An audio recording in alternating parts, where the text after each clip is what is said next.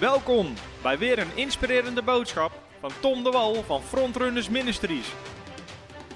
We bidden dat je via deze aflevering geïnspireerd wordt in je leven met God en opgebouwd wordt in je geloof. 20 manieren waarop demonen binnen komen. Nou, we hebben een hele hoop ground to cover. We hebben een hele hoop te behandelen over die 20 manieren. Ik weet niet of dat allemaal gaat redden vanavond. Als ik iets uitloop, geef me genade. Wendy. Ehm eh, 20 manieren. Voordat ik dat ga doen, wil ik even een, eh, twee dingen noemen over deze manieren waarop op, op demonen binnenkomen. Het eerste is, je hoeft niet altijd de oorzaak te weten, hoe ze binnengekomen zijn, voordat je mensen kan bevrijden. Die moet je echt opschrijven. Je hoeft niet altijd de oorzaak te weten, hoe demonen binnen zijn gekomen, voordat je iemand kan bevrijden. Het is heel fijn als we het weten. Vaak kom je er ook wel achter. Want het zijn geen hele mysterieuze dingen, gaan we zo wel naar kijken. Maar het hoeft niet per se, want in de bediening van Jezus en ook van Filippus zie je dat ze aan de lopende band demonen uitdrijven. Ze hadden niet met iedereen een vragenlijst van 16 mappen. 10 vragen.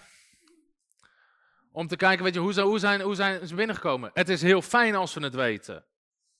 Nogmaals, dus, dus als je erachter kan komen, kom erachter. Als je vragen moet stellen, stel vragen. Zo nuchter ben ik ook. Jezus vroeg ook aan die man, van hoe lang overkomt dit hem al?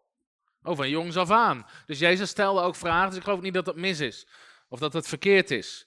Maar dat hoeft niet altijd. Soms zien we ook gewoon dat Jezus demonen uitdrijft. Ook bij die vrouw die zegt, Heer, mijn dochter is bezeten. Of bij die maanzieke jongen. Hij vroeg niet naar de oorzaak, hij bevrijdde ze gewoon.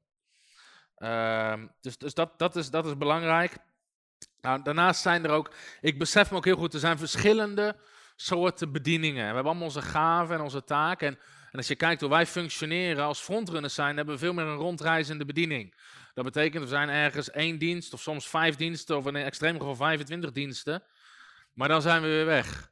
En wat we doen is heel vaak bedienen naar grote groepen. In ons onderwijs, ook in genezing. Ik ben veel minder met handoplegging gaan bidden, omdat gewoon de groepen werden veel te groot. Dus dan eh, was ik nog aan het bidden voor mensen en begon de tweede dienst al van die dag waar ik moest zijn.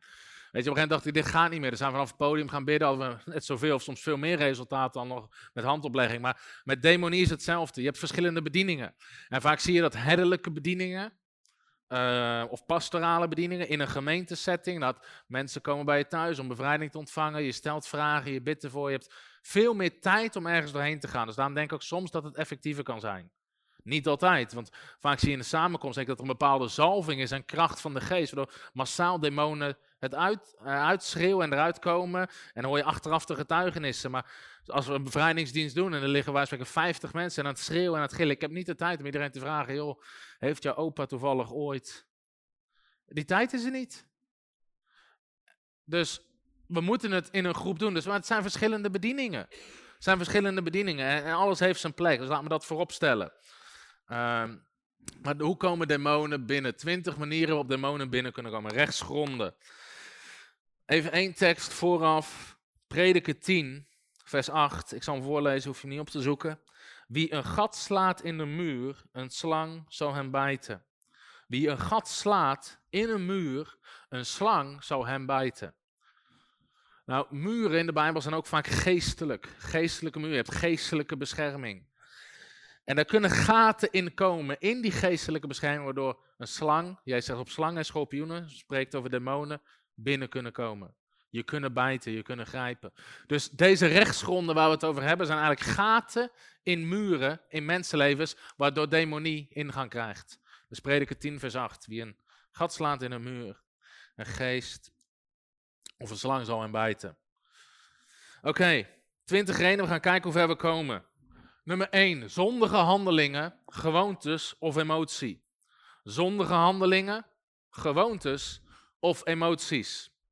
Nou, hiervoor geldt hetzelfde als dat ik eigenlijk al voor de pauze heb genoemd.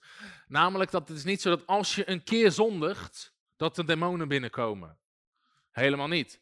Maar er zijn bepaalde zonden Ten eerste zet je soms wel een deur open. De Bijbel geef de duivel geen voet. Efeze 4, vers 27. Dus soms geven we ruimte aan de duivel. Maar er zijn, ik denk dat iedereen deze uitspraak wel eens heeft gehoord, maar ik ben het er niet mee eens. Alle zonden zijn even erg, broer.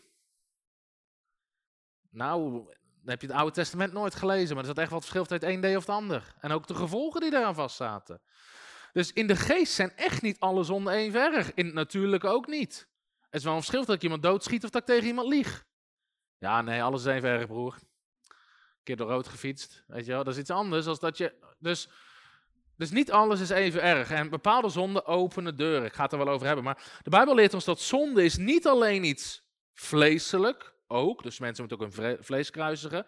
Ooit een keer voor iemand gebeden voor een geest van uh, pornografie en onreinheid. En die had daar heel veel last van. En die komt drie dagen later en zegt, werkte niet. Ik zeg, hoezo niet? Dus ik ben naar huis gegaan, mijn computer aangezet, naar een site gegaan.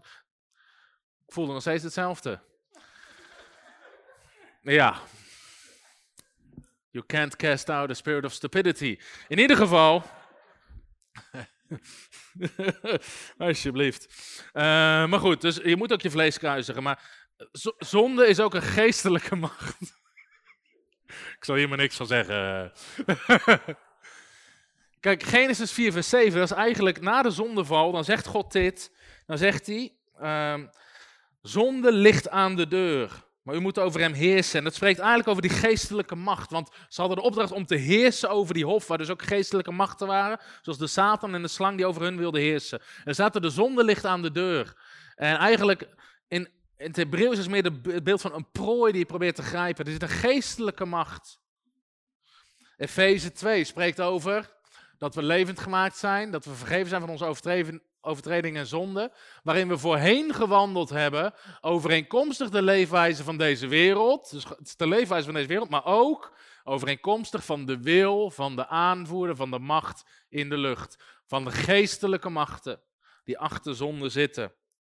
1 Johannes 3 vers 8 zegt, wie de zonde doet is uit de duivel. Want die zondigt vanaf het begin. Het is allemaal link tussen de geestelijke wereld, demonische machten en de duivel. Dus het is echt niet zo, nogmaals, als je zondigt, dat er meteen demonen binnenkomen. Maar daarom zegt de Bijbel, word boos, maar zondig niet. Dus je kan boos worden, dat kan iets zijn waardoor je boos wordt, maar zorg dat je daar niet zondigt. Dat er geen wrok komt, dat er geen haat komt, dat er geen kwaadsprekerij komt, dat er geen uh, lastering komt. Word boos, maar zondig niet. Uh, of een keer een gedachte van hoogmoed, of als je oneerlijk bent, of als een onreine gedachte langskomt, of dat je een gevoel van jaloezie hebt, of een gevoel van woede. Kan gebeuren. Maar hoe ga je ermee om? Bekeer je ervan? Stap je ervan af? Of ga je het ruimte geven in je leven? Dan kan, kunnen dat soort dingen patronen worden. Hoe komen geesten binnen? We hebben vorige keer die. Ik geloof niet. Je hoort van allerlei geesten: een geest van onreinheid en een leugengeest en een misleidende geest. Het is één geestelijke wereld en het zijn allemaal demonen, maar een demon neemt de vorm aan van de deur waardoor hij naar binnen gaat. Nog een keer zeggen. De demon neemt de vorm aan van de deur waar hij door naar binnen gaat. En dat zien we in die tekst in Koningen. Dat op dan staat er en er trad een geest naar voren en die zei: Ik zal worden tot een leugengeest in de mond van de profeten. Dus er zat daar ruimte en hij werd een leugengeest. Het was een gewone geest, die werd een leugengeest. Dus het is niet zo dat wij spreken een geest van verslaving per se op zoek is naar iemand die dan verslaafd is om daarin te gaan. Het is gewoon een demonische geest. En als hij de ruimte krijgt om in het gat van verslaving naar binnen te gaan, wordt het de geest van verslaving in zijn of haar leven. Maar als dit patronen worden, waar men zich niet van bekeert, openen ze een deur voor demonie, een geest van hoogmoed. Bijvoorbeeld, een keer een hoogmoedige gedachte, kan gebeuren, maar als je ervan bekeert is niks dan. Maar het kan een geest van hoogmoed worden of een leugengeest. Mensen die liegen als patroon of een geest van onreinheid. Nou, er zijn wel degelijk ook bepaalde zonden die veel erger zijn en die altijd een deur openen voor demonie. En dat noemen we, en daar gaan we later op in, bloedschuld. Dat waren zonden waar in het Oude Testament de doodstraf op stond. Niet op iedere zonde stond er dood, maar er waren zonden waar de doodstraf op stond. En als je gaat kijken in de praktijk van bevrijding, zie je dat dat altijd bijna gelinkt zit aan demonie. Nou, wat is de sleutel?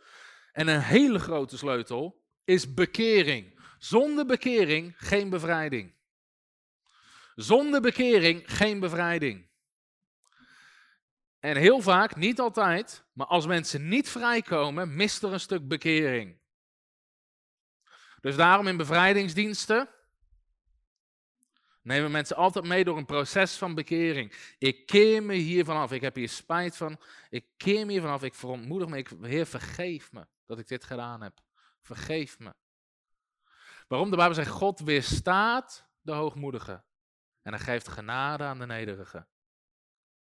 God weerstaat mensen die hoogmoedig zijn tijdens de bevrijding. Dus bekering zien we in Handelingen 19, vers 8, 10. 10. Weet je, er kwamen velen die geloofden, ze kwamen hun zondige daden beleiden en bekennen. En velen van hen die toverkunst hadden uitgeoefend, brachten hun boeken mee en verbrandden die in de tegenwoordigheid van allen. En men berekende de waarde ervan en kwam op 50.000 zilverstukken. Dat is een hoop. Ja, of een heel groot boek. In ieder geval, je ziet hier heel duidelijk bekering. En ik heb zelfs ontdekt dat als je. Ik heb me een tijd afgevraagd, waarom zijn er mensen die uit een hele heftige achtergrond komen, maar in een bevrijdingsdienst of zo gebeurt er niks met ze. En je hebt anderen die beginnen zwaar te manifesteren. Wie heeft zich dat wel eens afgevraagd? En ik, ik ben tot de conclusie gekomen dat het heel vaak te maken heeft met de diepte van de bekering. Er zijn mensen die keren zich zo radicaal af van hun leven zonder God en wat ze fout hebben gedaan. Ook al was het misschien drugs en dat soort dingen. En die totaal, dit hoef ik nog. En ze gooien het uit hun leven. Ze verbranden dingen die ermee te maken hebben. Die demonen verliezen de grond in hun leven. En soms zie je alsnog wel dat, dat, dat, dat, dat er machten zitten die eraan gebonden zitten, waar mensen bevrijd worden. Ze verliezen in ieder geval instant de invloed uit hun leven. En vaak zie je ook dat, mensen, dat mensen geen bevrijding meer nodig hebben. Die demonen gaan het wel ergens anders zoeken. Ze hebben geen grond meer. Radicale bekering. Ananias en Safira, hoe kwam, die, hoe kwam Satan, hoe kwam die demon daar? Hebzucht, leugen, misleiding, bedrog en hoogmoed. Ze zetten zich voor open. Saul werd God ongehoorzaam en jaloers en een boze geest kwelde hem, zegt de Bijbel. Leugen, leugengeest, pornografie, onreinheid, dat soort dingen. Dus zonde. Werken van het vlees. Als je daar voor hart, dan zit dat demonie, de macht van zonde aan gekoppeld. Nummer twee, occultisme en valse godsdiensten. Dit is een gigantisch grote. Occultisme of valse godsdiensten. Als iemand zich openzet voor dit soort dingen of zich daarmee bezighoudt, opent het eigenlijk altijd een deur naar demonie, want er zitten geestelijke machten achter. Paulus zegt niet voor niks in 1 Korinthe 10 vers 20 over een valse godsdienst. Hij zegt, wat de heidenen offeren, offeren ze aan demonen. En ik wil niet dat u met demonen gemeenschap hebt, dat die, dat die één worden met u. U kunt niet de drinkbeker van de heren drinken en die van demonen. Ging over diensten die ook de afgoden hadden, waar ze ook dan een maaltijd hadden. U kunt niet deel hebben aan de tafel van de Heer en aan de tafel van demonen. Dus Paulus maakt duidelijk dat daar zitten demonische machten achter. En soms, wij denken als Nederlanders over andere gelovigen, soms dat, dat het iets is wat ze verzonnen hebben, er zit geen geestelijke macht achter, maar er zit heel reëel een geestelijke macht achter. Exodus 20, vers 3. U zult geen andere goden voor mijn aangezicht hebben. Nou, sommigen hebben dit iedere zondag gehoord. U zult voor uzelf geen beeld maken, geen enkele afbeelding. Geen beelden, afbeeldingen. Daarom zei die man ook in die video, sommige beelden lijken christelijk, hè? Christelijk figuur of iemand uit een christelijk bijbelspersoon die daarin zit. Maar u zult geen beeld, geen afbeelding van boven in de hemel, beneden op de aarde, water onder de aarde. U zult zich daarvoor niet neerbuigen, u niet, u niet dienen, want ik ben de Heere God en ik ben een jaloers God, die de misdaad van de vaderen vergeldt aan de kinderen, aan het derde en het vierde geslacht van hen die mij haten. Dus dat kan zelfs doortrekken de generaties in. Kan doortrekken de generaties in. Valse godsdiensten. Kan zijn hindoeïsme, boeddhisme, vrijmetselarij, occultisme. Dat soort dingen. Toverdokters. Voodoo. Ontzettend reëel. Sterrenkijken, waarzeggerij, horoscopen, toekomstvoorspellingen, spellers van die Ouija-borden en dat soort dingen. Jehovah thuis, ook valse godsdienst, mormonen, vrijmetselarij, staat er twee keer in, zo erg is die. Yoga, karate en andere vechtsporten. En dit is gewoon, het is niet een uitsluitend rijtje, maar gewoon even allemaal voorbeelden van dingen waar geestelijke machten achter zitten. Zelfs vechtsporten zitten vaak geestelijke machten achter. Dus je hebt veel vechtsport waar je eerst een keer moet buigen voor de overgrootoom die dat uitgevonden heeft, weet ik veel wat erachter zit. We hebben mensen bevrijd van bepaalde geesten, die begonnen tijdens een manifestatie begonnen ze karate te doen. Dirk Prins beschrijft iemand die hoog daarin zat en Kijk, ik ben ook wel zo nuchter. Ik geloof niet dat met karate op zich meteen iets mis is. Er zijn ook misschien verenigingen die er heel nuchter mee omgaan, het gewoon zien als sport. Maar er zijn ook heel veel waar je met beelden en allerlei um, groeten en dat soort dingen. Um, we doen aan het eind vragen. Maar op een gegeven moment was ook iemand die werd bevrijd van, die, van een geest die daarmee te maken had. En die kon een bepaalde trappen niet meer uitoefenen, die ervoor wel kon. Dus soms zit daar wel degelijk een, een geestelijke macht achter. Um, het gebruik maakt eigenlijk van bovennatuurlijke macht of kracht of wijsheid buiten God om. Nou, wat ik zie is. Ik zie iets wat in de christelijke wereld heel geaccepteerd lijkt. En dat is alternatieve geneeswijzen. En ik geloof niet dat iedere. Kijk, uh, spreken, ik heb het niet over van. Nou, we hebben uitgevonden dat wortels heel gezond zijn. En helpen tegen, tegen weet ik veel wat. En, en nou moet gaan wortels. Dat, dat, dat is gewoon natuurlijk uh, proces. Hè? Eten, wat goed is voor je lichaam, et cetera. Maar er zijn in sommige kringen, niet, niet alle kringen, maar zijn bepaalde alternatieve geneeswijzen ontzettend populair. Waarbij mensen geloven dat als er één druppel van iets op hun navel wordt gelegd, dat ze. Ja, jullie lachen. Maar mensen geven je bakken met geld aan en zetten zich open voor demonische geesten. Als je echt gelooft dat als ze één druppel in je navel leggen, dat jouw constante migraines verdwijnen. Er zit echt iets anders achter. En het kan ook dingen zoals acupunctuur en dat soort dingen. Mensen die zwaar demonisch waren, omdat ze daar zich mee bezig hielden. Het is geestelijk overspel. Nou, er zijn twee hoofdtakken van occultisme. Eén is waarzeggerij. Zoeken naar bovennatuurlijke wijsheid in richting buiten God om. Is waarzeggerij. Kan een kraampje zijn op de kermis. Kan in de krant een horoscoop zijn, dat soort dingen. Waarzeggerij, toekomstvoorspellingen. Of Astro TV, waar iemand met je dode goudvis gaat communiceren.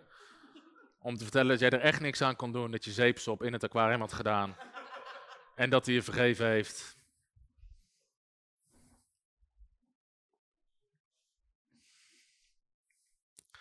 En dit is de tweede, toverij. Toverij heeft te maken, waarzeggerij heeft met invloed, of toekomst te maken. Toverij heeft te maken met invloed. Dingen proberen te sturen door demonische krachten.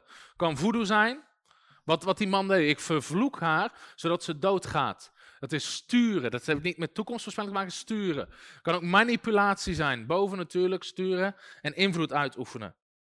Een waarzeggende geest, zien we in Handelingen 16. De waarzeggende geest die inkomsten verschafte. En ze, riepen, en ze liep achter Paulus aan. Dus alles wat ze zei klopte. Maar het was een demonische geest. En dus achter die andere godsdiensten zitten demonische machten. Derek Prins vertelt de allereerste keer, en we hebben het zelf ook veel gezien, dat hij in Afrika een bevrijdingsdienst deed. En die stammen die aanbaden allerlei goden die aan bepaalde dieren gekoppeld zaten. En hij ging bidden voor bevrijding. Hij zegt, ik, het leek wel een dierentuin. Mensen begonnen te tetteren als olifanten, te grommen als leeuwen. Boven natuurlijk in bomen te klimmen als apen. Het ging helemaal los. En er zaten letterlijk geestelijke machten achter die goden die ze dienden. Ja, dat zag je dus met die vrouw waar ik over vertelde, met die slang om de nek, de geestelijke macht die erachter zit. Nou, veel van die waarzeggerij, dit was waar, maar je hebt ook heel veel vervloekingen. En ik denk dat we allemaal wel de verhalen kennen, en het zijn er echt heel veel, dat iemand naar een waarzegger ging, die zei, ik zie dat uw man binnen zoveel jaar sterft. En dan zeggen mensen, ja, maar is dat wel gelijk, is wel gebeurd. Ik ken zoveel verhalen daarvan. Omdat het een profetie uit het rijk van de hel. En ze zetten zich te open. Ze geven Satan rechtstreeks instemming om zijn bestemming over hun leven te profiteren. Alle geestelijke bescherming is weg en de macht uit de hel krijgen toestemming om mensen te roven. Regelmatig gezien. En ook op scholen soms dat je hoort van, met Ouija-borden, dat op een gegeven moment ook een verhaal dat een, een, uh, dat een groep meiden aan het spelen was. En er kwam iets uit van, uh, een van jullie gaat verongelukken. En ze verongelukten. Binnen twee weken. En het zijn, zijn profetieën uit de hel, profetieën van Satan. Maar ook christenen die het kunnen doen, handlezen, alle spreuken uitspreken, uh, dat soort dingen. Deuteronomie 18, vers 10. Onder u mag niemand gevonden worden die zijn zoon of zijn dochter door het vuur laat gaan. Dus zijn kinderen offert. Die waarzeggerij pleegt. Die, volk, die wolken duidt. Wiggelarij doet. Of die een tovenaar is. Die bezweringen doet. Die een dode bezweerder of een waarzegger raadpleegt. Of die dode raadpleegt. Want wie zulke dingen doet is een gruwel voor de Heere. En vanwege deze gruweldaden verdrijft de Heer uw God deze volken voor uw ogen. Dus de andere volken deden dat wel. Valse godsdienst.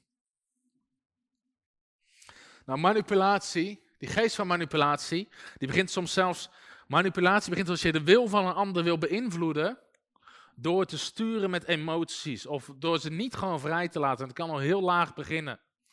Manipulatie kan al zijn als, als, een, als een man tegen zijn vrouw zegt of andersom van schat, als je echt van me houdt, dan doe je boodschappen zo meteen.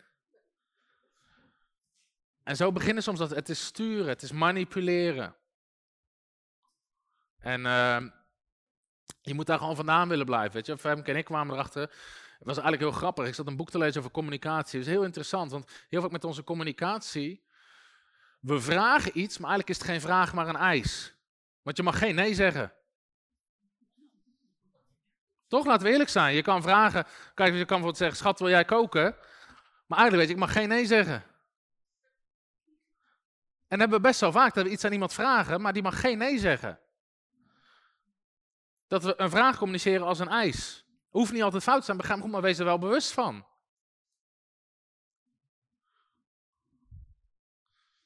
dan kan je ook vragen, is het een vraag of een eis?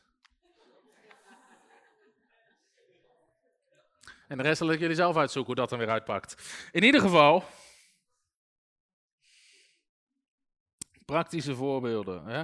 Die vrouw die ik noemde uit de uh, uh, die ik al noemde, die bezig ging met die, met die gebeden en ook eigenlijk wilde profiteren, maar dat begon te doen namens de Satan.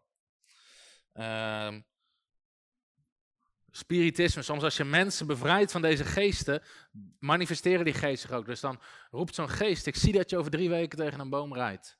Gebeurt soms met de manifestaties. Dus je moet er gewoon sterk staan, je verbreekt dat. Je verbreekt die vloek. En ga dat niet geloven, ga daar niet meer aan de gang. Hoef ik helemaal niet bang voor te zijn. Ik zie dat jij binnen drie minuten hieruit bent. Halleluja. Nou, ook op een gegeven moment een christelijke vrouw die bevrijd werd van waarzeggende geesten. En dat ze zei, maar ik weet niet waar het vandaan komt, ik weet niet waar het vandaan komt. Dus je dan door gaat vragen, ja, ja, die horoscopen, die lees ik altijd wel, hè, maar uh, ver vandaan blijven, zegt de Bijbel. Ver vandaan blijven, moet je niet eens willen lezen. Ga je profetieën doorlezen, niet horoscopen. Een tijdje terug iemand die we gewoon niet vrij kregen. En op een gegeven moment wist ik het niet meer. Totdat iemand bij diegene thuis was. dat hele huis staat nog steeds vol met Boeddha-beelden. En allerlei maskers en, en, kunst en rare dingen. En dan kan je vragen diegene, maar heb je je bekeerd? Ja, ik heb me bekeerd en ik wil echt de heren dienen. Ondertussen gaan ze naar huis en een hele huis staat vol met afgoden en valse goden. Ja, ik snap ook niet dat ik niet vrij kom. Het is niet op als je een week aan bidden en vasten voor die mensen. Terwijl ze gewoon dingen weg moeten gooien. Dus ik denk ook soms dat er wel veel onwetendheid zit over die geestelijke realiteit. Maar die video heeft, van John Ramirez heeft ook wat een en ander duidelijk gemaakt. Dus occulte dingen openen eigenlijk altijd een deur. Hè. Sommigen hier zijn ook, uh, ook geweest naar zo'n uh, occulte, hoe heet zoiets? Met dat evangeliseren. Zo'n uh, ja, zo'n occulte beurs. Ja, paranormale beurs, ja. Weet je, als je dan ziet dat wat voor occulte dingen mensen zich allemaal bezighouden en hoeveel mensen dat trekt, gewoon in onze westerse maatschappij, hè. Massaal komen mensen daarop af. En het kan zijn van een bepaald steentje met een bepaalde kracht. Een tijd terug, ik heb het getuigenis denk ik verteld, maar een voorganger in Nederland vertelde me dat, dat zijn vrouw had veel te hoge bloedwaarden, was in ieder geval iets mis. Niet, niet bloedwaardes, maar de structuur van haar bloed was zodanig dun of iets, dat als ze zou bloeden, zou ze doodbloeden. Zou niet stoppen. En voor gebeden, allerlei dingen, kwam niet vrij. Op een gegeven moment sprak de Heilige Geest over een steen wat aan haar armband zat. En toen ging ze dat opzoeken en er was inderdaad een occulte religie, was dan een steen voor gezonde bloedwaardes. En ze deden die steen weg en ze genas compleet. En dus er zitten, zitten daar machten, kunnen daarbij zitten. Oké. Drie, vloeken of zonden vanuit het voorgeslacht. Generatie vloeken. Vanuit de erfenis door de generaties heen. Nou, ik heb ontdekt dat christenen, inclusief ikzelf in het Westen, dit best wel lastig kunnen vinden. En zegt ze, ja, maar weet je, we zijn tot, tot de Heer gekomen, zijn nieuwe scheppingen, alles is voorbij gegaan. Hoe zit dit? En vinden we best wel lastig hoe dit kan werken. Kijk, heb ik een tekst bij staan. Ja. Oh, dit is die van Exodus 20. Die de misdaad van de vader vergeldt aan de kinderen aan het derde en vierde geslacht.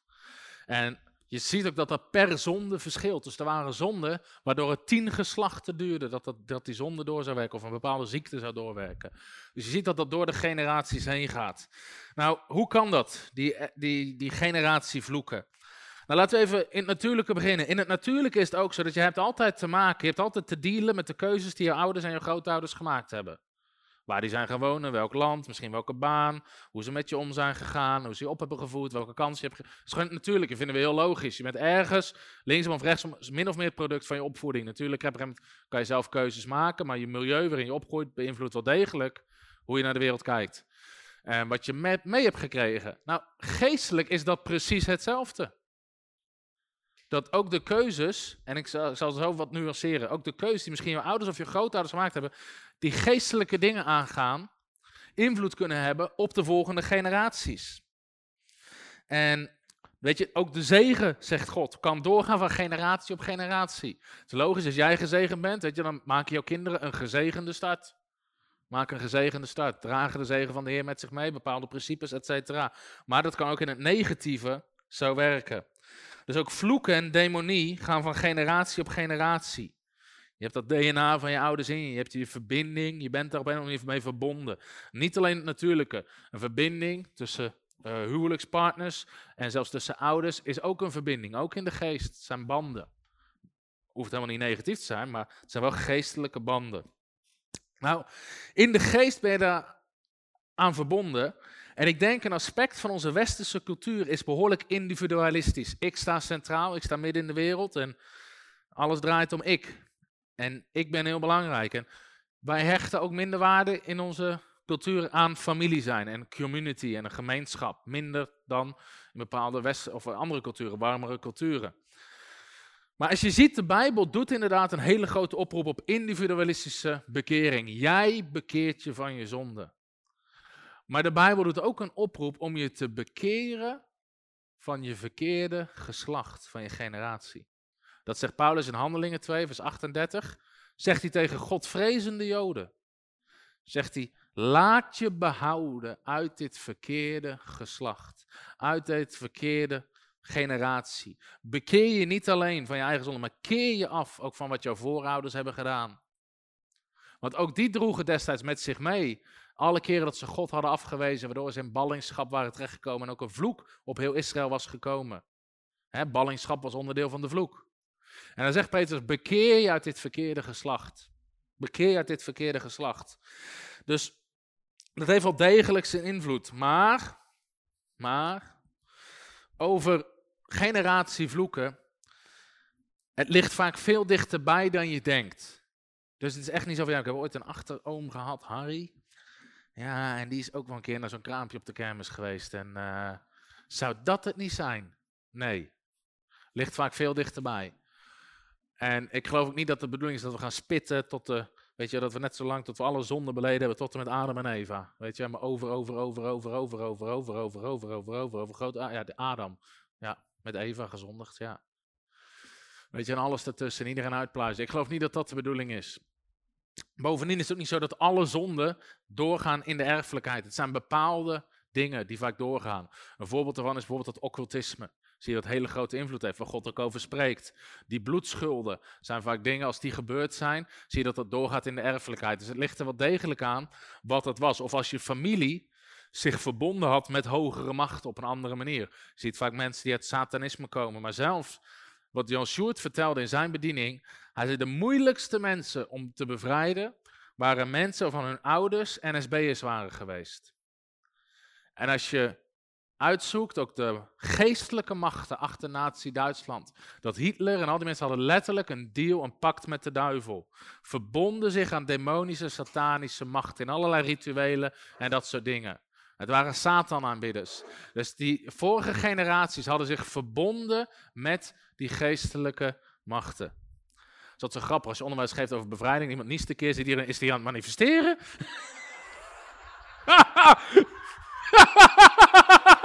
ja, ja, ja, daar gaat hij al. Ja, ja, ja. ja, tijdens dit soort onderwijs, je kan niet kuchen, je kan niet bewegen. Gewoon stilzitten. En als je buurman of je buurvrouw kijkt, gewoon... Niks aan de hand. Nee, niks, niks, niks. oh, heerlijk. Ja, die is gewoon, worden gewoon bevrijd tijdens het onderwijs, ja. Nou, soms zie je ook gewoon dat te maken heeft met patronen. Hè? Dus hun ouders hebben bepaalde patronen. En die kinderen pakken dat gewoon over. Kan ook zijn met handelingen, bijvoorbeeld occulte handelingen of bepaalde zonden waar die kinderen ook gewoon mee gewoon zijn. Of woede-uitbarstingen, dat soort dingen. Maar het heeft, kan ook echt wat te maken met zonde. Ehm, nou, hoe, hoe zie je dat soms? Het heeft, het heeft te maken, het zijn ook patronen vaak die je ziet. Dus ik, ik moest ooit spreken op een bijbelschool, was niet onze eigen bijbelschool. En ik sprak daar, ik weet niet meer waarover. Het gebeurde ook na die avond. Ik stond nog met mensen na te praten en andere mensen waren voor iemand aan het bidden. En ik hoorde ze bidden, maar ik kreeg verder niks van mee. Ik wist niet wat er aan de hand was. Uh, op een manier ze hadden door, er komt geen doorbraak. Dus op een gegeven moment kwamen die mensen naar mij toe zeiden, Tom, wil je voor die vrouw bidden? Ik had die, en die stond er samen met de man, ik had ze nog nooit gezien. En, uh, en met dat ik er naartoe loop, spreekt God tot me. En God zegt, het is een demonische geest. Ik wist niet wat er aan de hand was. En uh, dus ik zeg, joh, wat is er aan de hand? Ze zegt, ik heb dat onlangs haar zevende miskraam gehad. Zeven miskraam achter elkaar. En ik zei, het is een geest, als eerste reactie. En met ik zeg, het is een geest. Ah! Boom! En die klapt tegen de grond en begint te krijsen en te gillen. En die voorganger geloofde niet in demonie. Daarna wel. Dus dat... Ik bedoel, je kan er vijf avonden over les geven. Je kan het ook... in ieder geval, ze, en uh, we, we, we haar vrij. Ze kwam, ze kwam machtig vrij door Jezus. En, en later sprak ik er en toen zei ik van, joh, vertel eens wat meer. Zei ze, uh, mijn moeder, mijn overgrootmoeder, allemaal eerst vijf, zes, zeven, acht miskramen voordat het eerste kind geboren werd. En dat was een demonische macht van generatie op generatie. En ze kwam vrij en uh, ik denk, ik voor een tijd later moest ik spreken in die gemeente en toen was ze hoogzwanger en toen kwam ze bedanken. En zei, dit is het eerste kind wat ik helemaal tot het eind van de zwangerschap heb kunnen dragen. En ze uiteindelijk gezond bevallen en dat kind is, uh, dat kind is gezond geboren. Dat is een groot wonder. Maar wat nodig was, was die demonische macht die daar verbroken werd, die in de generatie. En dat was ook een voorbeeld waarvan ik dus geen idee heb hoe die macht daar is gekomen. Ik had maar het was een openbaring van de geest. En dan zie je dat de kracht van de geest erachter zit. En misschien weet God ook wel dat ik niet het geduld heb om een hele map door te werken met iemand. Kunnen we niet met de laatste vraag beginnen? Maar goed, zoek het vaak dichtbij. Zoek het vaak dichtbij. En als je dus dingen ziet die repetitief zijn, die vaker terugkomen. Mensen die zeggen soms, ja maar kanker, weet je wel. En, en dat is ook iets wat ik zie in mijn eigen familie, wat ik dat al verbroken heb. Dat de een naar de ander overlijdt aan kanker. Maar ik heb wel besloten, bij mij stopt het. Dit gaat vanaf nu, dit het gaat niet meer door. Het is gestopt, hier en nu. En vaak als je kijkt naar patronen in families, of het nou hartfalen is of reuma of dat soort dingen, je ziet vaak generatie na generatie na generatie hetzelfde. Soms uh, ken je misschien ook wel met zelfmoorden, hè? Dat in een familie heel veel zelfmoorden voortkomen of heel veel ernstige ongelukken. Dat soort dingen is vaak een vloek en demonie die daar gekoppeld zit. En soms zeg je, ja, maar de vloek is verbroken, zeggen mensen. Want de vloek is verbroken, dat kan toch niet? Nou, Jezus heeft ook je genezing gebracht. Door zijn streamen zijn we ook genezen. Weet je, en hij heeft al onze zonden heeft hij gedragen. Dus, maar er kunnen blijkbaar nog steeds machten zitten waar we ons van af moeten keren. Wat we door moeten snijden en zeggen, hier stopt het. Maar goed, mijn advies is wel, ga het niet te ver zoeken. Ga het niet te ver zoeken. Iets bij je ouders, misschien bij je overgrootouders als je dat weet. En als je het niet weet, is het ook niet erg. Bid je de Heilige Geest voor openbaring. En het patroon zie je wel. En dan verbreek je dat patroon. Gaan we zeggen, Heer, we vragen u deze hele vloek weg te wassen met uw bloed. We verbreken het. Ook al weet je niet precies waar of hoe iets zit. Nou, Bijbelse voorbeelden, ik weet niet of ik ze hier heb instaan. Ja, uh, Gehazi kwam onder een vloek en de generaties na hem ook. Die kregen melaatsheid. Eh, de moord van de onschuldige man Abner bracht een vloek op de volgende generaties. Maar goed, mijn ervaring is dus dat. Uh, dat is heel interessant.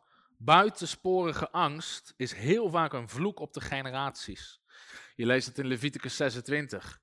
Dat, en dan heb ik het niet over gewoon een keer bang zijn, maar je hebt soms mensen die echt in angst en paniek, een soort, soms een soort smetvrees, een soort mensen die hun huis niet uit durven, is bijna demonisch en gegrond in een vloek vanuit de generaties.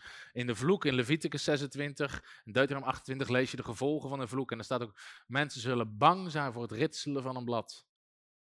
En soms zie je buitensporige angsten, wat echt zijn, zijn grond vindt, vaak in een vloek en demonie die daaraan genesteld zit. Deze is heel interessant. Ik geef gewoon wat voorbeelden. Deuteronomium 28, vers 47, hoef je niet op te zoeken. Maar dan zegt de Bijbel ook dat er is een vloek gekomen omdat ze de Heeren niet dienden met vreugde. De Heeren niet dienden met vreugde. Dus ze dienden God vanuit zware religie. Oude Testament. Het was dus een misleidende geest. En Jan Sjoerd vertelde mij dat hij, als hij met mensen bad, die uit hele zware gemeentes kwamen, bad hij ze altijd vrij van die vloek. Want hij had al een keer ontdekt in de Bijbel. En de eerste keer dat hij, um, dat kwam een vrouw, maar ook met, oh die had te maken met angsten. En toen bad hij dat ook door en zei ik verbreek, en die zei dus zelf, ik kom uit, uh, ook uit een dergelijke situatie waarin uh, mijn hele familie zo zwaarmoedig de Heer dient. Het kan nooit goed, altijd onder veroordeling, onder zonde last. En ik ellendig mens. En, en ik draag mijn kruis. En we zijn het ook allemaal niet waard. En niet blijmoedig de Heer gediend. En op een gegeven moment, dus Jan Sjoerd bad voor haar. En zegt, ik verbreek die vloek over je leven omdat jullie niet met vreugde de Heer gediend. En die demon begon te krijsen. Die begon te schreeuwen. Dit is de grond waarom we hier zitten. Stop hiermee, stop hiermee, stop hiermee. Die begon dat uit te krijsen uh, doorheen. Tegelijkertijd is mijn ervaring dat je kan jezelf vloeken hoeven vloeken zijn vaak geestelijke machten, maar soms als mensen gewoon sterk in hun identiteit gaan staan, ergens zich van af hebben gebroken en ook in een nieuwe ding stappen, zie je soms ook gewoon dat die vloeken afbreken. Gewoon dat mensen sterk gaan staan. Dus eh, ik, ik geloof ook wel in een bepaalde nuchterheid erin, maar ik heb ook heel vaak gezien dat als we vloeken verbreken over mensenlevens, dat ze zo ontzettend veranderen. Dus dat is nummer drie. Dit is vier. Dit is vier. Via vloeken. Niet generatievloeken, maar andere vloeken onder een vloek komen. Dus de vorige ging over de generaties. Nou, een vloek is eigenlijk een geestelijke negatieve macht. Zoals de zegen is de kracht van God, die de ruimte krijgt in je leven om te stromen. Maar een vloek is een negatieve geestelijke macht. En je kan nog steeds ook onder een vloek komen. Door eigenlijk je eigen dingen, niet door wat de generaties hebben gedaan. En uh, ik wil er niet al te diep op ingaan, maar er zijn bepaalde dingen. Kijk, het is eigenlijk heel simpel. De zegen kwam door gehoorzaamheid. Hè? Deuteronomium 28, als je gehoorzaamt, dan zal je gezegend zijn, wordt dan opgezomd. Hoe kwam de vloek? Ongehoorzaamheid en zonde naar God. Niet een keer een fout maken, dan kwam niet de vloek, maar herhaaldelijk ongehoorzaam zijn. En je ziet dat dat ruimte maakt voor de vloek om te werken. En daarom is het heel interessant dat sommige dingen worden letterlijk gekoppeld aan de vloek. Daarom zegt God in Malachi 3, als je niet je, berooft me, jullie zijn door de vloek getroffen. En zegt het volk waarom? Zegt God, omdat je je tiende niet geeft. Nou, dan zeggen Nieuw Testament, ja, maar hallo, dat kan je toch niet zeggen, hè? dat iemand zijn tiende niet geeft, dat hij, door de vloek, dat hij onder een vloek is. Nou, dat is heel makkelijk, ik zeg het niet. het staat er gewoon. Zeggen mensen, kan jij niet zeggen? Nee, doe ik ook niet, zegt de Bijbel.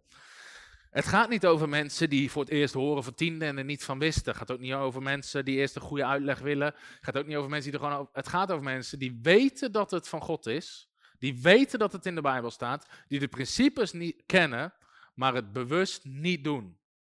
Bewuste ongehoorzaamheid aan God. En ik heb ook gezien onder het Nieuwe Testament, het brengt een vloek over mensenlevens. Dank jullie wel voor jullie enthousiasme.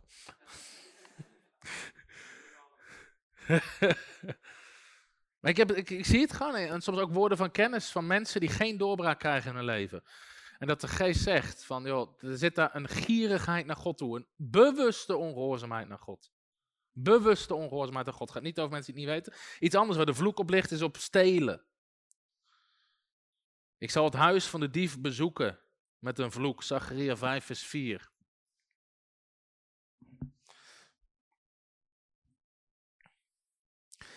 Vloeken kunnen ook verbonden zitten, bijvoorbeeld aan uh, kunstvoorwerpen, dat soort dingen, et cetera. Dus waar ligt in de Bijbel een vloek op? En dan zie je vaak dat daar iets zit. Vloeken, je kan ook jezelf vervloeken. Je kan jezelf vervloeken. Het was uh, Rut Prins, de vrouw van Dirk Prins, die uh, pijn had in haar benen, slecht liep en er was vaak voor gebeden. En er was geen doorbraak ingekomen. Op een kreeg ze een openbaring. En toen zag ze in de geest dat ze als klein meisje had ze haar benen vervloekt. En het had ermee te maken, ik weet niet eens wat er was, dat ze een keer haar been had gebroken en in een spalk zat of zo. Of, of nee, ze vond haar benen niet mooi, dat was het. Ze vond haar benen niet mooi. En ze zei, die stomme, stomme benen van mij. En eigenlijk vervloekte ze de benen. En later raakte ze constant pijn en last. En onverklaarbaar, ongeneeslijk. Totdat de geest die openbaring gaf. Ze bekeerde, ze verbrak die vloek. Ze sprak de zegen erover uit. En vanaf dat moment was alle pijn weg. Dus die had zichzelf vervloekt. Nummer vijf. Hier zie je die teksten. Uh, plek van oordeel is het ook vaak waar God zijn oordeel over uitspreekt. Maar goed, nummer. Uh, even kijken hoor. Is het al vijf? Een oordeel van. Uh... Ah nee, hier zie je dat plekken waar de vloek, de ban op rust. Dat het plekken zijn waar het oordeel van God over uit was gesproken. En dat er ook demonische machten komen. Toch hebt u ons naar de jakhalzen verbannen. Dat is geestelijk voor demonische wezens. Verbannen, vervloekt. Maar goed, en hier zie je nog veel meer teksten erover. Maar daar hebben we allemaal niet de tijd voor. Seksuele onreinheid. Seksuele onreinheid is een grote deur voor demonie. In de breedste zin van het woord, seksuele onreinheid. Leviticus 18, vers 20 is een voorbeeldtekst. Er staan veel meer teksten in het Oude Testament die het volk van God moesten wijzen op seksuele reinheid. En dit zijn gewoon een aantal voorbeelden, maar verontreinig jezelf niet door seksuele omgang te hebben met de vrouw van een ander, overspel. Ontwijd de naam van je God niet door een van je kinderen aan de moloch. Dat was die God, uh, de kinderoffergod, te offeren. Ik ben de Heer. Je mag je niet het bed delen met een man zoals met een vrouw. Dat is gruwelijk. Verontreinig jezelf niet door de geslachtsdaad te verrichten met een dier. En een vrouw mag niet een dier uitlokken om met haar te paren. Dat is pervers. Verontreinig jezelf niet door dergelijke dingen te doen. De volken die ik voor jullie verdrijf, hebben zich met al deze dingen uh, bezig gehouden. Of verontreinigd. Nou, sommige mensen zijn verbaasd dat tot in detail besproken wordt in de Bijbel dit soort dingen. Maar dat komt dus omdat er geestelijke macht eraan achter zitten en God een hele duidelijke standaard heeft voor reinheid. De enige vorm van seksualiteit, uh, of eigenlijk laat ik zo zeggen, allerlei seksuele vormen uh, buiten het huwelijk tussen een man en een vrouw is onrein. Elke vorm van seks buiten het huwelijk tussen een man en een vrouw is onrein. Je kan dat leuk vinden of niet. Je kan het ermee eens zijn of niet. Maar dat is wel de grens die de Bijbel schetst. Elke vorm van seks buiten het huwelijk tussen een man en een vrouw is onrein. Hier ligt ook een enorme aanval op in de kerk om hier vanaf te gaan wijken. En het opent deuren voor geesten van onreinheid. Iedere vorm van perversie of pervers gedrag tegen natuurlijke neigingen, spreekt Romein 1 ook over. Overspel, incest, misbruik, homoseksualiteit. En dit ligt heel gevoelig ook om over te spreken, merk je ook in de kerk. Het zijn ook niet altijd makkelijke zaken, kunnen ook hele complexe zaken zijn. Maar bijvoorbeeld Derek Prins beschrijft ook in zijn boek gigantisch veel getuigenissen. Van mensen die daarvan bevrijd werden en helemaal gezond werden. Dus ik, ik vind het wel belangrijk dat we dat soort dingen aanhalen, dat we daar kennis van hebben. Het woord van God is er duidelijk over. Seksverslavingen, pornoverslavingen, lust, andere films of boeken. Je hebt zeg maar een, je hebt natuurlijk, je hebt gewoon een pornografie en je hebt pornoblaadjes. Maar je hebt tegenwoordig ook een categorie, tegenwoordig ik dat altijd al is, een categorie romans met seksuele verhalen erin. En waar soms mensen bij mee gaan, gaan uh, fantaseren en dat soort dingen. Ja, laatst had je het hele bekende boek, dus een paar jaar terug, zo'n uh, Fifty Shades of Grey. Nooit van gehoord, nee, dat is allemaal christelijk, ik weet het. Iedereen zit gewoon aanstaren. Doen alsof we er nooit van gehoord hebben. Wie heeft wel eens gehoord van Fifty Shades of Grey? Wie heeft wel eens gelezen? Sommigen houden... Bidden we straks ook voor.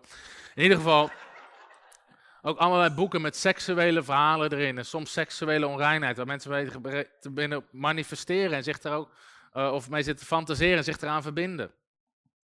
Uh, terugkomende onreine gedachten en handelingen, fantasie over sekservaring, masturbatie en lustgevoelens.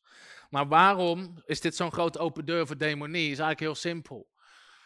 Omdat in de geest verbind je je met elkaar. Niet alleen vleeselijk, dat is wat de wereld je doet geloven.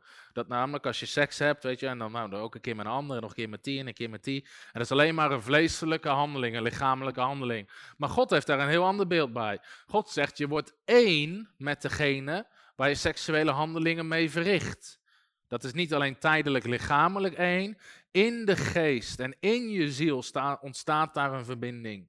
Leg je daar een verbinding. En daarom staat er ook, ze zullen tot één vlees zijn.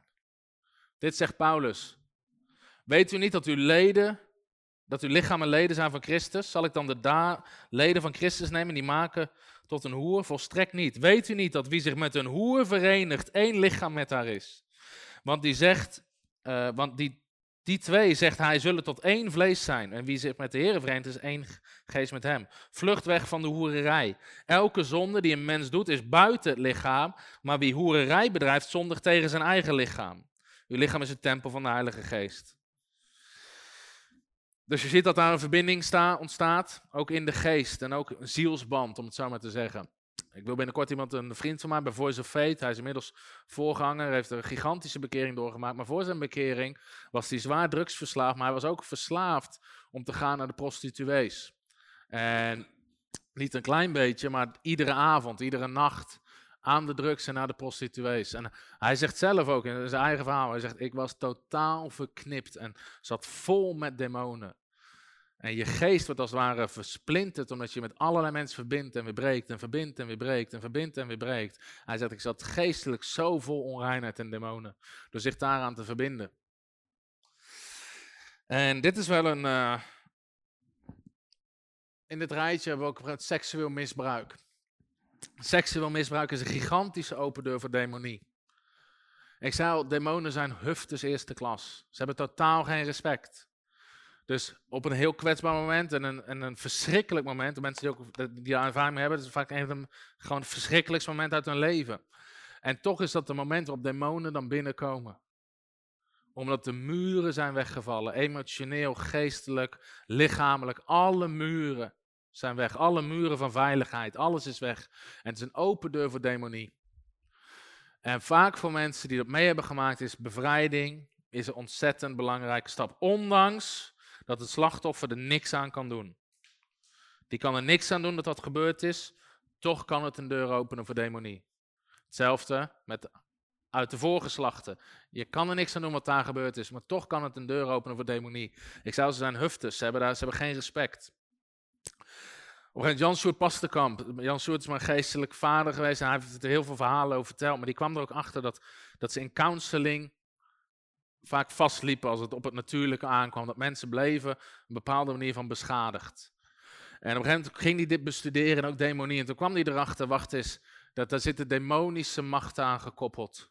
Die zich daaraan koppelen. En toen begon hij te bidden voor mensen die misbruikt waren voor bevrijding. En dan begon ze vrij te bidden van die onreine geesten die binnengekomen waren. En dat gigantisch resultaat. En dan begon er ook over te onderwijzen. En het is een bizar verhaal, maar het is wel om aan te tonen wat, wat dat in de geest doet. En op een gegeven moment werd hij erbij gehaald bij een vrouw, waar in die gemeente al een aantal keer voor gebeden was, maar er was geen resultaat. En werd Joshua erbij gehaald en die vroegen, en vroeg ze, wil, wil, uh, wilt u voor haar bidden? En in ieder geval, Jan Soert ging voor haar bidden. En terwijl die, hij was net aan het bidden. En die demon, die demon begon te schreeuwen. Ik haat je, ik haat je, ik haat je. En Jan Soert, hij ervoer in zijn geest dat het, als er, om een gesprek te voeren met die demon. Hij zei, waarom haat je me? Vanwege de herstelweken die we doen. Hij was toen destijds groot in Nederland, herstelweken met bevrijdingsdiensten. En die moon, uh, die schreeuwde dit. Die zei, nee, enkele jaren geleden kwam je ook in deze kerk, toen je in Nederland was, hij was zendeling. En die demon, was niet de vrouw, die demon sprak en die noemde de tijd en de datum en de zaal waar die dienst was. Roept hij. Enkele jaren geleden kwam deze kerk toen je in Nederland was, op die en die dag en die en die zaal. En Jan Soert heeft later gecontroleerd zijn agenda en het klopte.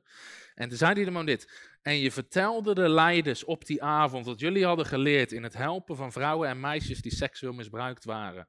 En je vertelde het proces van genezing en dat ze bevrijding van ons soort nodig hebben. Daarom haat ik je en heb ik je de oorlog verklaard. Dat krijste die demon door die vrouw heen.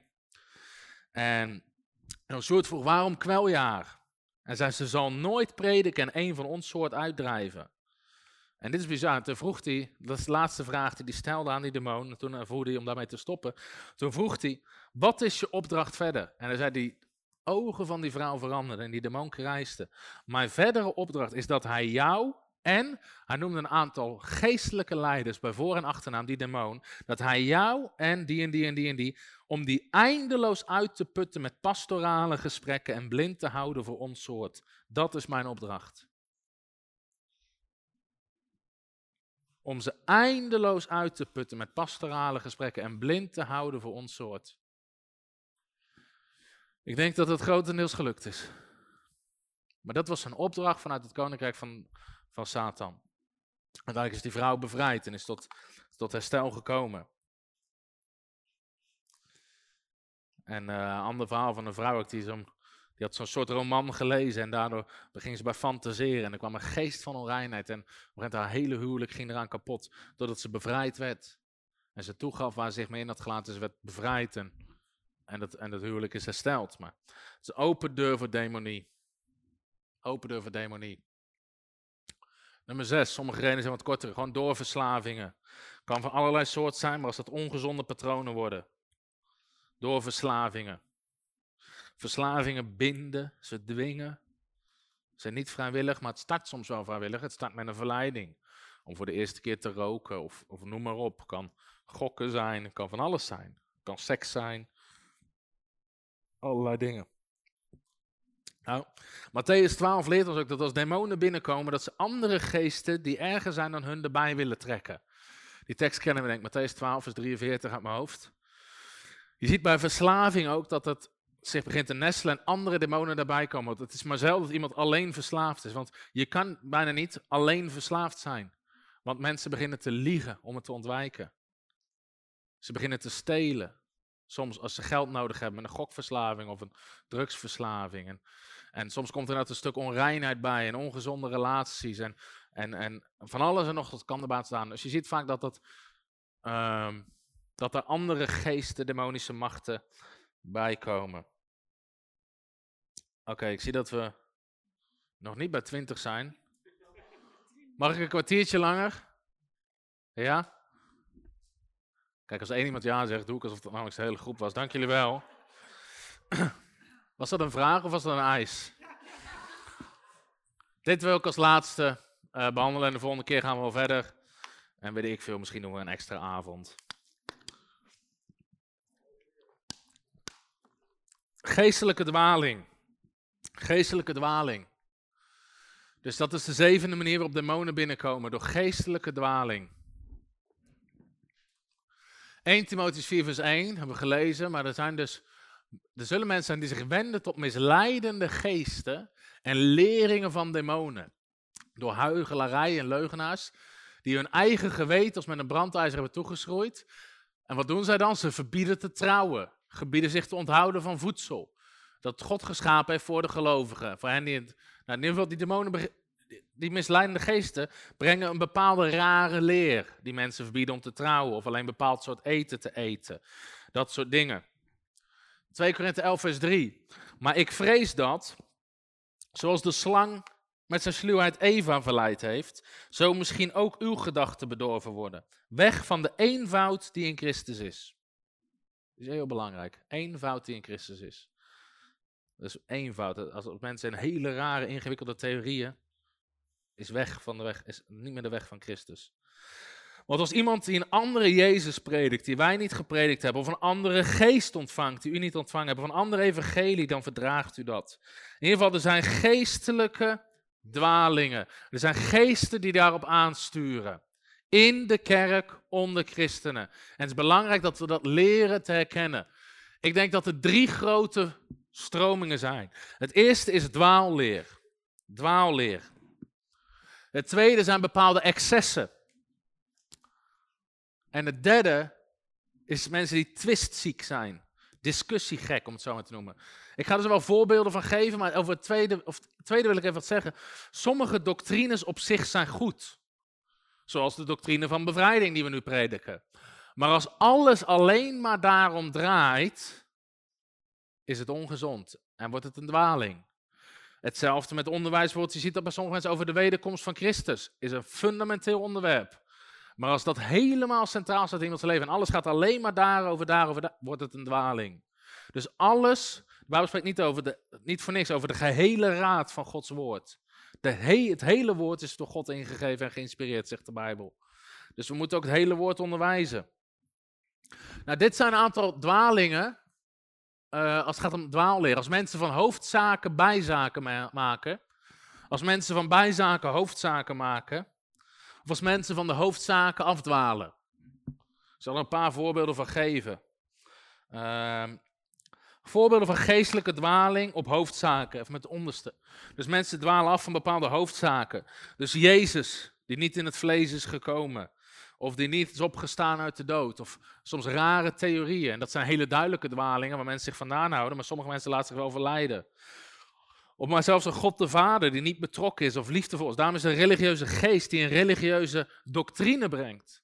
Dat God niet van je houdt of dat God boos is, waardoor mensen zich bij God vandaan halen en niet dichter bij God komen. Een genadeleer die resulteert in een losbandig leven. Een genadeleer die resulteert in een losbandig leven. Paulus spreekt er heel vaak over. Zegt hij, zij verdraaien de genade gods. Dus zij onderwijzen een manier van genade dat het niet uitmaakt dat je zondigt.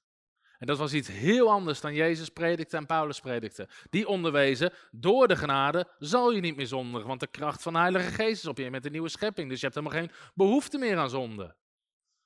Maar er is ook een genade in, zeg maar het maakt allemaal niet zoveel uit. En er is zelfs zoveel genade dat sommige dingen die lijnrecht tegen het woord van God ingaan, toegestaan worden in de gemeente. Want er is genade, broer. Nou, zo zat Paulus er niet in, niet in de wedstrijd.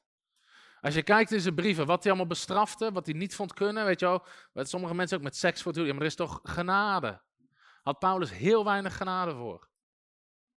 En Paulus is de grootste genadeprediker die er was. Dus een genadeleer, die resulteert in een losbandig leven, een christendom van eigen werken. Deze zie ik weer de kop opsteken in Nederland. Een christendom zonder kracht van de Heilige Geest. Ik had gehoopt dat we af waren van het secessionisme. Dus de leer dat de gaven van de geest alleen voor de tijd van de apostelen waren. Maar die zie je weer de kop opsteken in Nederland. Er is een leer die onderwijst dat wonderen en tekenen en gaven van de geest alleen waren voor de tijd van de apostelen. Nu hebben we de Bijbel, het perfecte is gekomen, daarmee moet je het doen. Wel eens van gehoord mensen die er lang ziet komen? Wonderen voor de tijd van de duivel. Wie wilde nou dat er nu geen wonderen gebeuren, dat er nu geen genezingen gebeuren? Als mensen dat kunnen onderbouwen, dat is demonen, leer van demonen. Een christendom zonder gerechtigheid, een christendom zonder eindoordeel. Dus er zijn ook, ik geloof heilig in het eindoordeel. We zullen allemaal staan voor de rechterstoel van Christus. En je ziet dat mensen doctrines die ze niet bevallen gaan verdraaien om eraan te ontkomen. Dus ja, een hel, hel, hel is wel heftig. Dus we gaan naar alverzoening toe. En je ziet dat soort dingen gebeuren. En het zijn leringen van demonen. Dit vind ik een hele grote. Alverzoening hebben we al gezegd. Nieuwtestamentische christenen die terug willen naar een oud-testamentisch leven. Mensen beginnen zich te verdiepen in de wet, wat in principe goed is. Gewoon om kennis te hebben van Gods woord. Maar ze gaan zich houden aan de wetten, aan de regels, aan de voedselvoorschriften, aan de feesten, aan de offers. En ze gaan terug naar het oud-testamentische systeem. Waarvan Christus is gekomen om het te vervullen. En sommige mensen zie je helemaal afdwalen. Nou, geestelijke dwaling op bijzaken. Mensen die enorm wettisch worden. Dus je ziet ook mensen die enorm fel op de Sabbat beginnen te zitten. Je moet de Sabbat vieren, je moet de Sabbat vieren, je moet de Sabbat vieren. Waar is de eenvoud die in Christus is? Weet je, Paulus heeft er ook veel over te zeggen over speciale dagen. En dat hij zegt van, joh, dat, dat, je, daar draait het niet om. Het is een slechte schaduw. En ik wil nou geen preek gaan houden over de Sabbat, maar je ziet vaak dat mensen die dwingen anderen ook om het te doen. En als je het niet doet, oordeel van God is op je. En je, wilt toch, toch, en je ziet gewoon, het is een leer van demonen. Voedselwetten. Sommige christenen worden zo fel. Er zitten principes in de voedselwetten. En Bijbel is heel duidelijk het Nieuwe Testament hoe dat zit voor Nieuw-Testamentse christenen. Weet je, varkensvlees is minder gezond. Het is gewoon bewezen, is een principe. Maar er zijn mensen die beginnen dat te onderwijzen. Terwijl Paulus heeft het erover, hè, lering van demonen, over wat we wel niet mogen eten. Noemt Paulus een lering van demonen. En uh, waar ik blij mee ben, want ik hou van biefstuk. Maar in ieder geval, geen demon die me daarvan afhoudt. Maar uh, op een gegeven moment Jan Sjoerd vertelde dat hij een vrouw bevrijdde die zo wettisch was. Zo ontzettend wettisch met die voet. En die demon kwam eruit en die schreeuwde: No pork, no bacon, no pork, no bacon, no pork, no bacon. Dat was de manifestatie van die geest. Geen ham, geen spek, geen ham, geen spek. Die riep dat terwijl hij eruit kwam.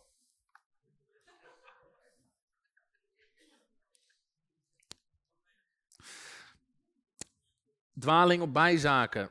Nou, dit is ook een, uh, dit is een heel heftig in de kerk, ook om over te spreken, want je wordt meteen aangevallen. Maar een doorslaan in het aanbidden van het fysieke land Israël. Ik heb christenen letterlijk horen zeggen, God heeft geen plan voor Nederland, God heeft alleen maar een plan met Israël. En je moet naar Israël gaan voor een gebedsverhoring. En in Israël ga je de Heer ontmoeten. En als je, ben je nog nooit in Israël geweest, broer? En wel gered, zeg je net. Zo. Je bent niet gedoopt in de Jordaan ook? Nee? Zo. Moet zelf weten hoor, maar en mensen slaan er helemaal in door. Mensen slaan er helemaal in door. Geestelijke strijd als doctrine op zich, maar ook dingen zoals armoede. Een eed van armoede moesten predikanten en zendelingen jarenlang, misschien nog wel in sommige kringen, afleggen. Ik zweer ten opzichte van God dat ik mijn hele leven in armoede zal dienen. Ik wil liever een prosperity gelofte. Dat is bijbels, dat is de zegen. Dat is van demonen. Excessen in de eindtijdleer, beide kanten op. Beide kanten op. Dus zowel de kant op van jongens, er gaat niks meer gebeuren. Er komt ook geen eindoordeel. Ik heb mensen letterlijk horen zeggen van ja, Jezus is al teruggekomen, dus het volmaakt is gekomen. De duivel is is al dood en de gaven van de geest zijn niet meer voor vandaag. Totale excess. Andere kant op, Jezus gaat nu terugkomen, 21 september. Verkoop je spullen, laat alles los. Weet je, ook gigantische dwalingen.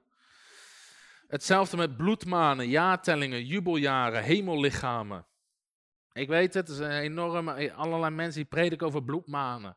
Broer, over drie maanden komt er een bloedmaan en maak je klaar voor het volgende geestelijke seizoen. Waar is de eenvoud die in Christus zit? Ging Paulus rond met het prediken van bloedlichamen en de sterrenstand? Of predikte die Christus en hem gekruisigd? En de gekste dingen. 2017 was het nog dat Jupiter en Venus tegenover een bepaalde stand tegen elkaar stonden. En het sterrenbeeld was een barende vrouw. En dat is het beeld uit Openbaring 12, vers 9. Dus Christus komt terug. Op die dag. Mensen geloofden het massaal. De Bijbel zegt, je moet geen sterren duiden. Maakt niet uit, vergeten we even voor het gemak. Want die sterren staan wel in een hele mooie stand voor een bepaalde theorie over bloedmanen en dat soort dingen. En jubeljaren, sambotsjaren, weet ik veel wat. Deze is ook heel groot. Zeker in Nederland. Twistziek en kritiek en verdeeldheid. Dit is de, een van de hoofdzakelijke geestelijke machten die achter Nederland zit. Het is een geest van verdeeldheid. We zijn een versplinterd land. Jan Sjoerd had in uh, Papua Nieuw-Guinea de demonische macht van dat land gezien over Papua Nieuw-Guinea. En toen was hij in Nederland aan het prediken. En op een gegeven moment vroeg hij, heer, wat is de macht over Nederland? Toen hij korte tijd in Nederland was, tussen zendingsreizen door. En God liet hem een demonische macht zien. En het was de macht van verdeeldheid. En God zei, dat is de demonische macht over dit land. En hij haalde dat aan. En het is hem niet in dank afgenomen. Hij is bijna verketterd daar. En uh, als je ziet hoe verdeeld Nederland is, alleen het aantal politieke partijen al wat wij hebben in Nederland. Er is geen enkel land in de wereld wat dat heeft. Amerika, je kiest of voor de Republikeinen of de Democraten, maar nou houdt wel een beetje op. Bij ons heb je er, weet ik veel, je kan er 80 kiezen. Want ik en mijn mening. Ik en mijn mening. Hm? Ja, zelfs de dieren hebben een eigen partij in Nederland. Abortus mag je plegen, maar een oud goudvis mag niet in een ronde kom. Foei. Zo gek zijn we geworden. Twist ziek. Ik herinner u eraan, toen ik naar Macedonië reisde, erop op, ik heb u opgeroepen om in Efeze te blijven, om sommigen te bevelen geen andere leer te onderwijzen. Zich niet bezig te houden met verzinsels, bloedmalen, eindeloze geslachtsregisters. Die meer twistgesprekken opleveren dan door de God opgewerkte opbouw van het geloof. Dat moet de standaard zijn. Bouwt het geloof op bij mensen. Als mensen in angst en paniek en, en conspiracy theorieën, is dat niet wat je moet prediken. Het einddoel van het gebod is namelijk liefde die voortkomt uit een rein hart en een goed geweten en ongeveinsd geloof. Maar mensen zijn ervan afgeweken, hebben zich gewend tot zinloos gepraat. Ze willen leraren van de wet zijn, maar ze hebben geen idee wat ze zeggen. Twistgesprekken. Het lastige van deze geest is dat die mensen overtuigd zijn van hun eigen gelijk met de Bijbel in de hand. Dat is het lastige aan deze geest. Met de Bijbel in hun hand wijzen ze naar tekst, ja, maar de maan zal rood worden. Het staat in de Bijbel. En daarom is het soms een hele lastige om mensen van vrij te krijgen. En ik zie dat in de hele westerse kerkbeweging, waar, is iets waar ik me zorgen over maak in het algemeen. Ik zeg niet dat alle, ik wil niet zeggen dat allemaal demonisch geïnspireerd, absoluut niet. Maar wat ik zie, we hadden het vandaag nog over, wat, wat verandert mensenlevens? Wat heeft jouw leven veranderd? Zijn de fundamenten van het geloof. Geloof in Jezus, bekering van je zonde, de waterdoop, doop in de Heilige Geest, Gods kracht voor genezing, Gods kracht voor bevrijding. Gewoon eigenlijk de fundamenten van het geloof. Gewoon geestelijke fundamenten. Daar beweegt God ook het hardst op. Als je in een samenkomst spreekt en je doet een oproep voor doop in de geest en 30 mensen komen naar voren, worden gedoopt in de geest, spreken in tongentaal, hun leven is veranderd. Dat is wat mensen nodig hebben. En je ziet in heel veel kerken die gericht zijn op seeker sensitive preken over time management en, en this is your season. En 90% is niet gevuld met de geest van God, heeft zich nooit bekeerd van zonde, hebben geen idee hoe ze een zieke moeten genezen. En we hebben allemaal hippe termen en mooie dingen. Maar het is weg van de eenvoud, de fundamenten van Christus. Paulus ging hier rond prediken over time management. Zielen winnen, inderdaad. Zielen winnen. Mensen dopen. Vullen met de geest. Ik heb geen 900.000 preken waar ik uit kan kiezen over fancy thema's. Als we naar gemeentes toe gaan, Arjan gaat vaak mee. We prediken bekering, genezing, doop in de geest, spreken in tongentaal. En massa's mensen in evangelische kerk hebben het gigantisch hard nodig. Gewoon geloof. Gewoon geloof prediken. Geloof in God, een van de fundamenten. Mensen gewoon die fundamenten meegeven. Daarom wil ik graag, daarom is dat verlangen in maart zomer voltijd bijbelschool te stichten. En mensen niet om te leren om fancy dingen te doen. Het is gewoon de simpele kracht van het evangelie wat mensen nodig hebben. Dus het zijn uh, dwaalgeesten. Dwaalgeesten. Nog één ding wat ik hierover ga aanhalen. Of valt onder deze categorie, dus dan mag het nog. Deze ga ik niet helemaal oplezen. Maar Judas en Petrus spreken over een categorie mensen en daarvan zegt hij, zij lasteren de heerlijkheden. Zij lasteren de heerlijkheden. En als je het diep gaat bestuderen, dan zie je, dan verwijzen naar Kain. Zij die net als Kain de heerlijkheden lasteren. Nou, wat was het verhaal van Kain en Abel? Abel bracht een offer. Hij gaf iets aan God. Hij gaf zijn offer aan God. Voor God, de Bijbel zegt, offers zijn heilig. Offers zijn belangrijk. Wat jij geeft, jouw gave aan God, is een heilig ding. En Kain lasterde dat. Hij vond dat belachelijk. Hij zag niet de geestelijke realiteit die erachter zat. Hij vermoorde zelfs. En de Bijbel zegt, er zijn mensen en zij lasteren de heerlijkheden. En in de kerken heb je dat ook. Er zijn mensen en die lasteren de heerlijkheden van God. Die lasteren de beweging van de Heilige Geest. Het spreken in tongentaal noemen ze dom gebrabbel. Bevrijding noemen ze on, dat soort dingen. Ze lasteren de heerlijkheden en bijzondere dingen van God. En het is een demonische geest die niet de bovennatuurlijke realiteit wil laten zien aan mensen. En wat voor heel veel controversie in gemeentes kan zorgen. Als hele discussies hebben, moeten mensen vooruit vallen, achteruit, naar links of naar rechts. Eigenlijk mogen ze ook niet vallen, hè, want het is toch raar. En het lasteren van de heerlijkheden, het lasteren van dingen die in Gods ogen wonderen zijn en bijzonder zijn. Dus dat is de zevende ingang voor demonie. De volgende keer doen we 8 tot en met 20. Amen. Hey, het onderwijs wat je net hebt gezien is onderwijs wat we geven aan onze tweedejaars Bijbelschoolstudenten. En we hebben besloten om deze module ook op YouTube te zetten om zoveel mogelijk mensen uh, ermee te zegenen. Maar wil je veel meer van dit soort onderwijs over genezing, bevrijding, wandelen in je roeping, kan je een account maken op www.bijbelschool.tv en dan kan je onze bijbelscholen gewoon op afstand volgen op je eigen tijd, je eigen locatie en je eigen tempo. En wil je de Bijbelschool fysiek volgen? Elk jaar in januari start de Bijbelschool opnieuw in Werkendam. We hopen je daar te ontmoeten. Hallo, Tom de Wol hier en bedankt dat je weer geluisterd hebt naar onze podcast. Ik bid dat het je geloof gebouwd heeft en je bemoedigd bent.